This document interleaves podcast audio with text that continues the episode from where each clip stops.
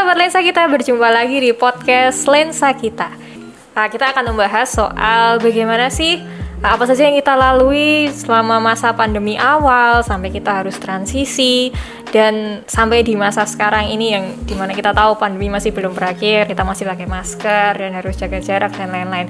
Tetapi yang membuat kita bagaimana uh, agaknya sedikit merasa lebih longgar adalah ketika uh, segala sesuatu yang kita lakukan sudah mulai hybrid atau ada yang offline, ada yang online, bahkan uh, ketika kita yang bekerja sudah mulai masuk ke kantor full time, yang sekolah juga mulai full time uh, sekolah di gedung sekolah, bukan di rumah atau di depan laptop masing-masing.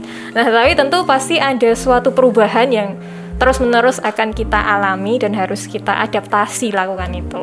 Oleh karena itu, kita mau bahas tentang bagaimana sih proses adaptasi dan juga mungkin apa saja kendala yang dialami oleh para orang tua terutama bagi anak-anak mereka yang masih statusnya bersekolah maupun berkuliah. Nah, di kesempatan kali ini kita sudah kedatangan di podcast lensa kita yaitu Pak Stanley. Selamat datang, Pak. Ya. Bagaimana kabarnya, Pak Stanley? Baik. Ya. Puji Tuhan. Nah, di kesempatan kali ini kita akan dengar dan sharing bareng bersama Pak Stanley tentang bagaimana parenting di masa pandemi sampai sekarang ini.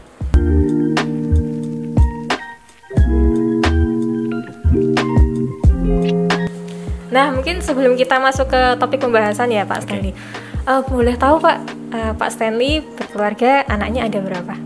Oke, okay. uh, saya berkeluarga, uh, anak saya tiga. Tiga? Hmm. Laki-laki, perempuan, hmm. laki-laki. Oh, yang laki-laki ini baru wisuda, berarti udah selesai ya. Berarti kan hmm. kan masanya ceritanya uh, parentingnya parenting anak kerja nih ya. Anak kerja. Lalu yang kedua itu kuliah. Hmm. Tapi yang kuliah ini sampai sekarang belum pernah lihat kampusnya. Jadi oh. dia kuliah di Bandung, tapi karena online. Jadi anak Bandung tapi nggak pernah ke Bandung, gitu ya. ya. Yang ketiga ini happy nih, baru happy. Dia kelas 3 SMA, sekarang berarti kelas hmm. 12. Hmm. Ini udah mulai offline, ya. Kira-kira kayak gitu tuh. Oh, Oke. Okay. Nah itu uh, bagaimana Pak? Itu kan ada yang sudah uh, lulus kuliah, hmm. ada yang uh, semester-semester awal kuliah, ada yang sudah mau lulus sekolah. Yeah. Ini masih sekolah semua nih pasti hmm. waktu hmm. pandemi selama dua tahun ini. Hmm. Uh, dinamika dalam keluarga itu bagaimana Pak? Di dalam uh, Pak Stanley sebagai seorang ayah kepala keluarga, terus uh, pandemi ini mereka di mana mereka semuanya harus melakukan sesuatu di rumah, sekolah lewat rumah, online dan lain-lain. Gitu. Yang awal-awal pandemi gitu. Kalau ngomongin awal pandemi ya semua kalau kena pas kena pandemi pasti uh, bawaannya khawatir. Hmm. Biasa bahan khawatir, lalu mulai ada perpindahan dari offline ke online. Itu yang pertama, itu kan berarti perubahan paradigma tuh. Hmm. Tadinya kita sama online agak gimana ya, nggak bersahabat lah ya, karena tahu kalau kebanyakan itu jadi addiction katanya. Jadi hmm. wah dibombardir, hati-hati anak-anak bisa edik sama gadget, gadget dan macam-macam. Eh tapi masuk ke pandemi berubah nih. Hmm. Ya ceritanya berubah Nah di situ kan mulai kita yang tadinya nggak butuh internet di rumah, hmm. jadi harus punya, harus punya internet. Lah kalau sudah ada wifi di rumah, ya udah deh. Ya ini satu perubahan yang terjadi di keluarga kami yang jelas hmm. sekarang kayaknya keluarga di seluruh dunia kayaknya ya. Anak-anak yang tadinya nggak megang gadget, sekarang ya kayak dipaksa. Harus punya. Oh, ya? harus harus juga cuman nggak cuman gadget megang aja dan online isinya juga online itu nah ya oke okay. jadi kalau awal kayak gitu ada transisi seperti itu hmm. cuma sekarang kan kita baru ngomongin uh, parenting di after ya hmm. setelah pandemi ya jadi ini masalahnya justru kalau saya ngelihat justru uh, lebih kepada dampak dari selama dua tahun online hmm. itu yang yang harus disikapi dengan baik gitu hmm. ya terus sikapnya seperti apa kayak kan kalau kita ngomongin pandemi diomong biasa nggak biasa juga sih. Karena kita punya background masing-masing beda-beda semua. Ada orang-orang pandemi selama pandemi mereka safe. Jadi saya yakin masih ada orang di Indonesia yang belum pernah kena covid sama sekali. Ada. sehingga waktu mereka waktu mereka melewati itu mereka kan nganggap bahwa ya pandemi sih tapi kayaknya nggak apa-apa. Biasa aja. Biasa aja gitu ya. Tapi ada yang kehilangan keluarga tuh. Iya. Itu traumatik berat tuh ya iya. nggak mungkin kita ngomongin uh, cara pandang orang yang satu sama yang lain sama. Ada hmm. lagi yang nggak meninggal tapi sempat sekarat. Hmm. Itu beda cerita lagi tuh. Iya benar. Itu punya punya cerita yang mengerikan lagi, ada ucapan syukur dan macam-macam. Tapi ada yang sakit OTG doang. Hmm. Iya kan? Hmm. Oh nggak apa-apa sih, tapi positif gitu. Ada kan yang gitu model gitu. Wah nggak apa-apa, nggak apa-apa. Nah, Dan dia menulari nah orang sekitarnya. kalau nah itu kan paradigma gitu. Tapi setelah ini semua kan seolah-olah jadi tuh kan yang gitu juga bisa ngomong. Sekarang nggak apa-apa juga kan? Hmm. Terus kenapa dulu gini? Nah, kalau kita berandai ke sana terus akhirnya ruwet lagi. Nah, kami di keluarga, kalau saya untuk eh, parenting misalnya untuk bagaimana menjadi orang tua, satu yang perlu konsep kita tuh penyintas semua. Hmm. Jadi konsep dasarnya bersyukur. Kalau kita ngomongin bagaimana parenting after, berarti ini penyintas nih orang-orang yang selamat survival gitu ya, berhasil melewati masa itu. Apa pun kondisi di belakangnya, ya kita harus punya pikiran terbuka bahwa latar belakang dari setiap teman-teman kita beda-beda semua. Ada yang latar belakangnya kehilangan orang yang mereka kasihin waktu mereka agak paranoid, ya kita jangan ngapain sih lu kayak gitu? Biasa aja. Ini nggak ada apa-apa. Nggak bisa. Itu nyakitin Iya, gitu ya. nyakitin banget gitu. Padahal dia ngalamin sesuatu yang mengerikan waktu itu. Tapi ya ini ini tapi kan semua lewat tuh. Berarti sikap hati yang harus kita miliki kalau sebagai orang tua buat anak-anak merasa bahwa kamu bersyukur udah lewat. Hmm. tapi bukan berarti sembarangan. Nah itu aja. Kira-kira seperti itu gambaran dari apa yang kalau misalnya kita ngomongin eh, proses ya prosesnya sekarang Tadi di awal Pak Stanley bilang ada kekhawatiran. Itu termasuk kekhawatiran itu kan? kekhawatiran ketularan atau ya apa eh, pola pikirnya mereka bahwa Betul. semua Betul. Jadi kekhawatiran saya justru malah pola pikir. Anak-anak sekarang yang misalnya masuk sekolah dan mungkin dia pernah dengar kabar macam-macam. Jujur ya, kami di perumahan aja kan saya tinggal di perumahan. Itu ngeri ya, maksudnya ih si itu meninggal loh. Hmm. Itu masuk ICU. Ini kan kayaknya tuh wus gitu ya. Nah, kan ada orang yang bisa punya kerangka berpikir tenang, tapi ada yang panik. panik. Nah, gimana kita sebagai orang tua? Karena anak anak kita tuh macam-macam tuh. Setiap anak pasti punya, eh, apalagi Eca saudaranya banyak kan, beda-beda ya. Semua Iya, pasti beda-beda. Nah, orang tua harus mulai ngerti bahwa eh, setiap anak itu punya penanganan berbeda-beda untuk membekali mereka setelah pandemik ini kayak apa. Hmm. Tapi kalau Firman Tuhan mengatakan polanya sederhana, bersyukur. Iya. Karena penyintas gitu aja.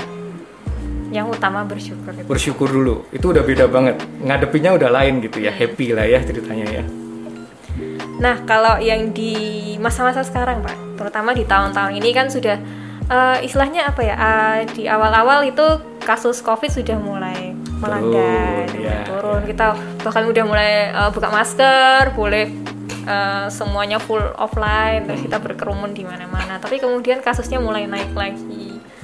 Sudah mulai pakai masker lagi, tapi tetap aktivitas masih diperbolehkan untuk dilakukan offline, terutama bagi anak-anak yang masih sekolah. Itu eh, apakah Pak Stanley juga eh, merasakan kekhawatiran itu di masa sekarang atau eh, sudah anak-anak sudah ada bekal itu untuk kemudian em, bisa mereka bisa beradaptasi dengan transisi yang sepertinya transisi baru lagi gitu Pak. oke sebenarnya kan transisinya kan back to ya kembali. Ya sebenarnya kita ngomongin kembali. Tapi kan kembali dengan traumatik. Oh iya. itu beda sekali ya. Yang waktu itu kita menghadapi sebuah masalah lalu sekarang kembali ke eh, sesuatu yang sebenarnya bukan sama tapi beda. Tapi situasinya sudah balik seperti dulu. Ya tadi. Kalau awal kita ngomong eh, bagaimana membekali mereka bersyukur pasti harus bersyukur. Karena kalau bersyukur orang sudah punya harapan hope. Hope-nya udah udah bagus. Nah waktu mereka masuk sekarang itu saya pikir tetap ada kebiasaan-kebiasaan baru yang nggak bisa dipungkiri. Kayak kita sekarang pakai masker. Hmm. dulu pakai masker kayaknya ampok ya. Tapi sekarang nggak pakai masker tuh bingung nyari masker gitu. Rasanya rasanya kayak ada yang kurang sudah gitu. ya. sudah sudah pakai gitu terus ya itu jadi sebuah kebiasaan. Terus eh, tetap eh, jaga.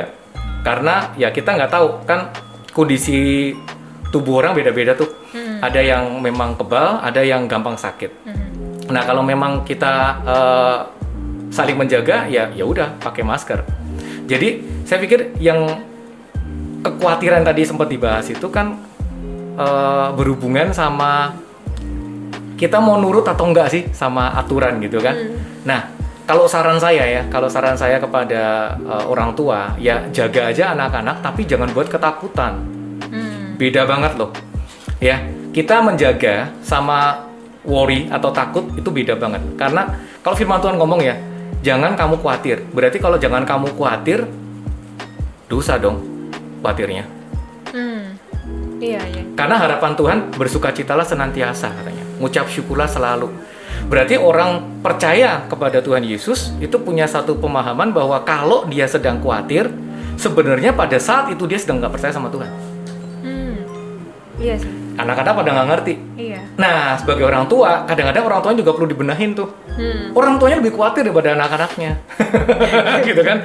Nah, ini berarti kan eh, kayak Firman itu pedang bermata dua, ya dia ngomong sama orang tua juga ngomong sama anak-anak. Hmm. Kalau kita ngomongin tadi, eh, gimana sih kalau sekarang gimana ya ngadepinya? Ya pertama, jangan khawatir. Orang berjaga-jaga itu sikap hatinya bukan takut, sikap hatinya siap-siap. Hmm. Jadi kita pakai masker, lalu kita bawa hand sanitizer, lalu eh, kita nggak salaman dulu, atau kita punya etika yang berbeda dari sebelumnya, itu bukan berarti langsung disamakan dengan khawatir. Tapi- Itu perlu di- ditanemin tuh sama anak-anak. Kamu pakai masker bukan takut, karena gini kadang-kadang ngapain sih pak? Udah udah lewat, ngapain pakai gitu. Nah kita kasih tahu bukan masalah takutnya, tapi etikanya yang berubah, Hmm. kultur masyarakatnya berubah.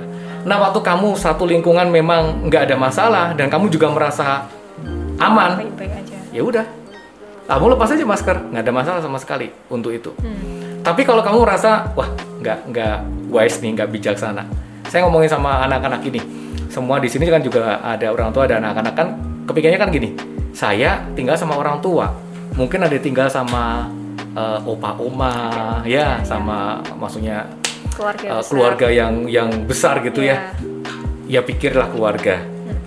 Bukan takut tapi bagaimana kita punya attitude atau sikap saling menjaga aja, Saling menjaga. Saling menjaga aja.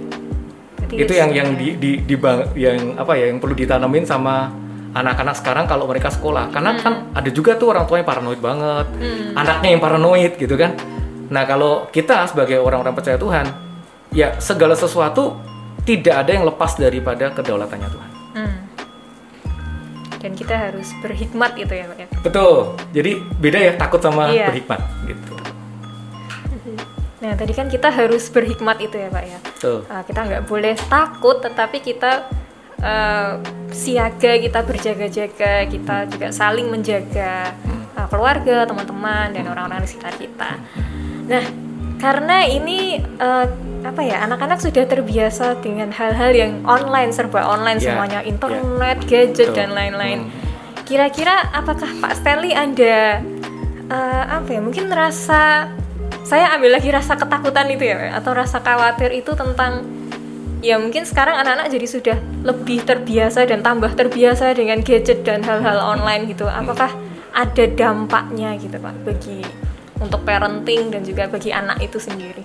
Oke, ya. Yang pertama bahwa kalau saya pribadi takut tuh harus dibuang. Jadi khawatir juga sebenarnya itu suka kita supaya waspada. Jadi jujur yang paling penting adalah bagaimana kita menyikapi sesuatu yang berubah tadi selama 2 tahun. Hmm. Selama 2 tahun, jujur ya, semua yang mempengaruhi anak-anak muda sekarang, anak-anak muda sekarang orang tua harus tahu nih, itu adalah media dari internet. Mau itu film, mau itu film dari Korea, mau itu film dari Cina, mau dari Thailand, mau dari Indonesia, mau itu anim, semua yang akan mempengaruhi anak-anak kita selama 2 tahun ini. Ya, karena nggak ada hiburan lain. Mereka mau keluar nggak boleh, Betul. mereka mau ke mana-mana nggak bisa, kumpul sama temen mau ngomong apa juga awkward lama-lama. Pertamanya sih, hahaha, tapi habis itu nggak ada cerita, karena nggak ketemuan. Serunya nggak ada dong. Hmm. Kalau ketemu kan, jadinya. wah ada yang lucu gitu ya. Ini kan nggak ada yang lucu Iya. gitu. Apa yang lucu gitu kan? Akhirnya larinya ke mana? Film, Hmm. Sosial media. Game mereka akan juga ke. TikTok, mereka akan ke Instagram, ya beberapa orang bagus ke bisnis, ada ada ada bagusnya juga sih ya, Bisnis ada kayaknya rumahan. bisnis rumahan, ya. Ini tergantung dari bagaimana eh, orang tua mengarahkan anak-anak tadi. Nah, tapi ada bahaya yang cukup cukup penting buat orang tua eh, berhubungan sama parenting. Satu, pendampingan perlu buat anak-anak. Saya selama anak-anak saya nonton, ya, hmm. karena kami juga semua kan pasti saya yakin ya, nggak cuma anak-anak yang nonton, orang tua juga ikut nonton. Ya. Saya malah berusaha untuk kita nonton bersama. Hmm. Jadi konsep uh, parentingnya itu kebersamaan atau hmm. istilahnya keteladanan. Hmm. Hmm. Saya mempelajari dulu zaman-zaman 2010-an lah, 10 wah zaman pertama-pertama film-film Korea Cina terkenal tuh mereka tidak ada yang namanya seks. Mereka ciuman aja kayaknya seru banget tuh. Oh. Terus akhirnya endingnya selalu celebration of love, merit, ada pernikahan. Hmm. Tapi sekarang, ah coba buktikan. Apa yang apa yang diajar kepada anak-anak? Kalau sudah pacaran itu boleh hubungan seks. Hmm. Tapi kalau nggak sama pacarnya, seolah-olah ceweknya tuh kayak wah menjaga diri banget. Wah ini ini masuk kepada anak-anak muda, terutama pada wanita-wanita, seolah-olah kalau saya sudah jadi pacarnya nggak apa-apa. Tapi kalau belum pacar jaga diri. Ya tetap salah semua gitu. Hmm. karena seks ya, harus ya. ada di dalam pernikahan. Kerusakan-kerusakan morality seperti ini yang harus menjadi perhatian parenting orang tua setelah pandemi. Karena kita nggak tahu apa yang dilihat anak kita. Hmm. ya itu mau film Korea mau film Cina mau film Thailand mau film Indonesia masuk semua. Ya Indonesia sekarang juga sama aja sama ya, aja ada unsur-unsur gitu jadi uh, ini yang yang perlu perlu di apa ya maksudnya uh, kalau kita ngomongin parenting ya ini yang menurut saya yang paling memprihatinkan dari sosial media hmm. terutama satu yang berikutnya tontonan hmm. hiburan selama pandemi hmm. ya mau nggak mau saya ngelihat mereka berhasil untuk istilahnya merusak atau mencemari pikiran anak-anak selama dua tahun ini dengan segala sesuatu yang disetting untuk bertolak dengan kebenaran firman Tuhan. Hmm, ya. Oke. Okay. Adakah pengalaman gitu Pak? Misalnya anak-anaknya Pak Stanley uh, istilahnya terpapar dengan konten seperti itu, kemudian Pak Stanley belum tahu nih, uh, belum ada pengetahuan tentang konten itu gitu kemudian oh. mereka sudah berpikir oke okay, okay. okay, emang kayak gini yang seharusnya gitu oke okay. yang yang saya alami karena kalau kalau yang pengajaran dasar kami cukup cukup sering jadi kami uh, saya sering sering mengajarkan misalnya habis ibadah atau khotbah atau ada pengajar yang mengajarkan sesuatu yang sedang nyimpang saya selalu bahas di mobil jadi saya langsung hmm, tutup poin ya. langsung buka sama mereka tadi khotbah bagus tapi ini enggak ini hmm. enggak ini enggak ini oke okay enggaknya di mana saya akan jelaskan. Hmm. biblical. Jadi Alkitab ngomong apa gitu. Itu itu enggak jadi kalau kalian nanti pelayanan atau kalian punya uh, ke depan ya ini jangan diambil. Hmm. yang ini oke nggak masalah. Nah yang hal seperti ini yang sering kali jadi persoalan yang cukup runyam. Misalnya anak saya dekat sama se seseorang. Nah ini yang jadi pemikiran mereka kadang-kadang sering kali diskusinya itu lupa kan katanya gini. Bener nggak? Hmm. terus lah itu mulai ada diskusi agak alok di sana tapi nyatanya gini pak. Teman-teman tuh semua gini. Oke lah kamu menurut teman-teman semua gitu atau menurut firman Tuhan? Hmm. itu harusnya kita kita sebagai orang tua harus kembalikan anak-anak kepada firman Tuhan. Karena kita tahu waktu mereka ada dalam firman maka akan baik keadaan hidup mereka. Dan kita harus berani mengatakan gini saya saya menghimbau nih pada orang tua orang tua. Waktu engkau mau tahu bahwa itu benar itu benar-benar putih dan hitam jangan jadi abu-abu. Hmm. karena sayang sama anakmu. Salah besar. Itu malah nggak sayang kalau sayang langsung ngomong salah. Hmm. mau dia benci biarin dulu nanti juga ngerti. Nangkap ya? Ini kadang-kadang yang sering kali kita kan aduh kok papa mama nggak ngerti banget sih? Kolot. Eh jangan lihat kolot dulu. Dasarnya apa dulu? Kalau kolot ya bisa ditegur. Kami juga pernah kolot kok. Hmm. kami sadar kalau pas kami kolot. Maksudnya? Iya kayaknya nggak masuk akal juga kalau kita nyuruh mereka hidup di masa kita gitu yeah, kan. betul. saya ngomong oh ya ini ini, ini papi mami kolot oke okay. waktu diskusi kita kalah kita tahu kita salah ya kita oke okay, hmm. oke okay, go go go hmm. nggak ada masalah karena pendampingan pem, pendampingan itu paling penting tapi kalau sudah basic dengan kebenaran nggak boleh hmm. kamu harus tunduk kita aja tunduk kamu harus tunduk karena Tuhan harus menjadi satu apa istilahnya pemimpin utama di keluarga kita gitu nah yang yang seperti ini yang diperlukan untuk orang tua orang tua dan anak-anak menyadari bahwa Yesus tuh posisinya di mana sih di keluarga gitu. Tuhan hmm. Yesus tuh ada di mana gitu. Kalau memang dia adalah center dan dia adalah pemimpin, ya semua harus kembali kepada dia. Berpusat kepada Yesus. pusatnya kepada Kristus. Jadi bukan lagi papa bener atau anak bener Tuhan Yesus ngomong apa? Itu etika Kristen. Papa bisa salah waktu papa nggak sesuai sama Tuhan Yesus. Kamu juga bisa salah waktu kamu nggak sesuai sama Tuhan Yesus. Tapi kalau Tuhan Yesus ngomong A terus kita cuman beda cara eh diskusi lah. Itu berarti bukan masalah penting. Itu cuman masalah istilahnya eh, sekunder tersier gitu lah ya. Itu bisa dibicarakan. Kan cuman cara aja. Kalau sama-sama tidak mel- melawan kebenaran nggak ada masalah. Diskusikan dengan baik.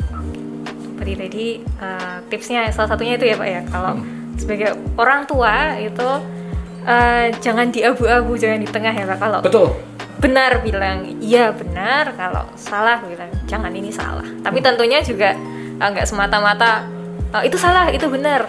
Gitu ya. Udah pakai tengah pakai tengah sama sini. Lupakan itu. Eh, itu benar atau salah.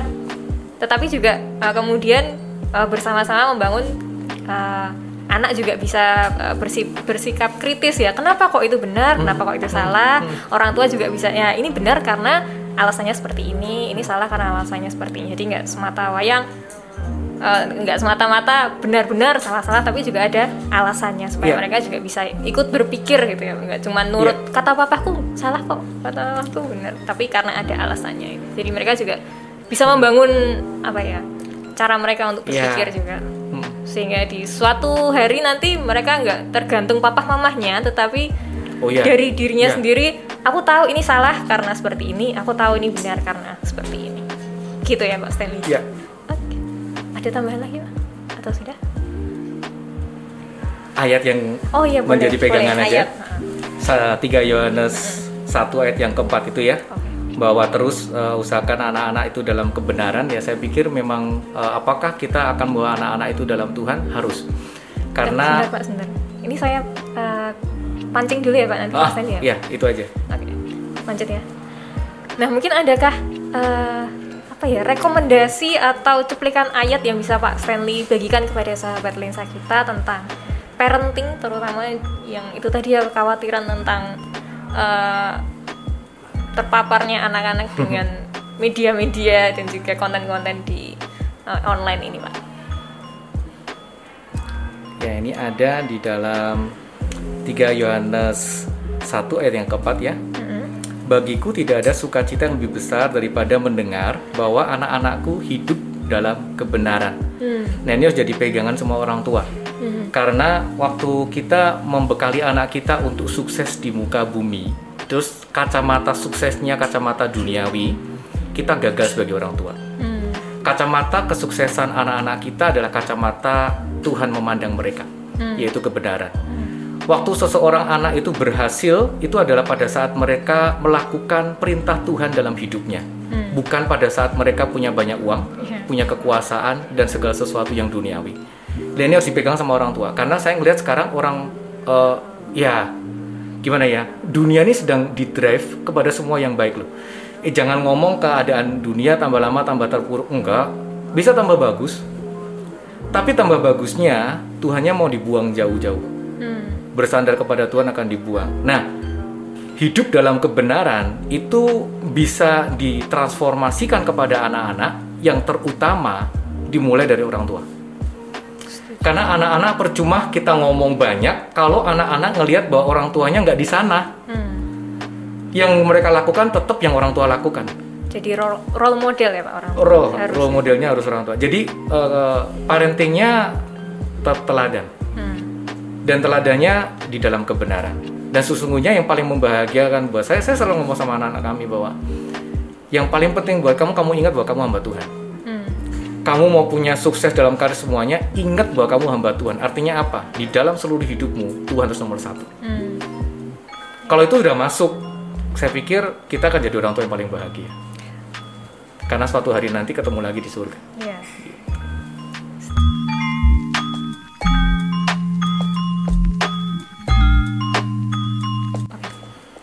Baik Pak Stanley, terima kasih untuk Sama-sama. sharingnya yang tadi wow luar biasa itu.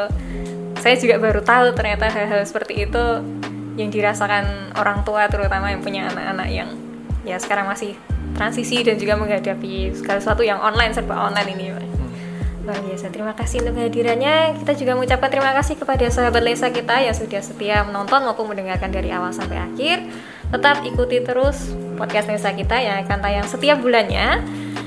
Jangan lupa untuk selalu jaga protokol kesehatannya karena pandemi belum berakhir, selalu jaga kesehatannya. Terima kasih, sampai jumpa dan Tuhan Yesus, Yesus memberkati. memberkati.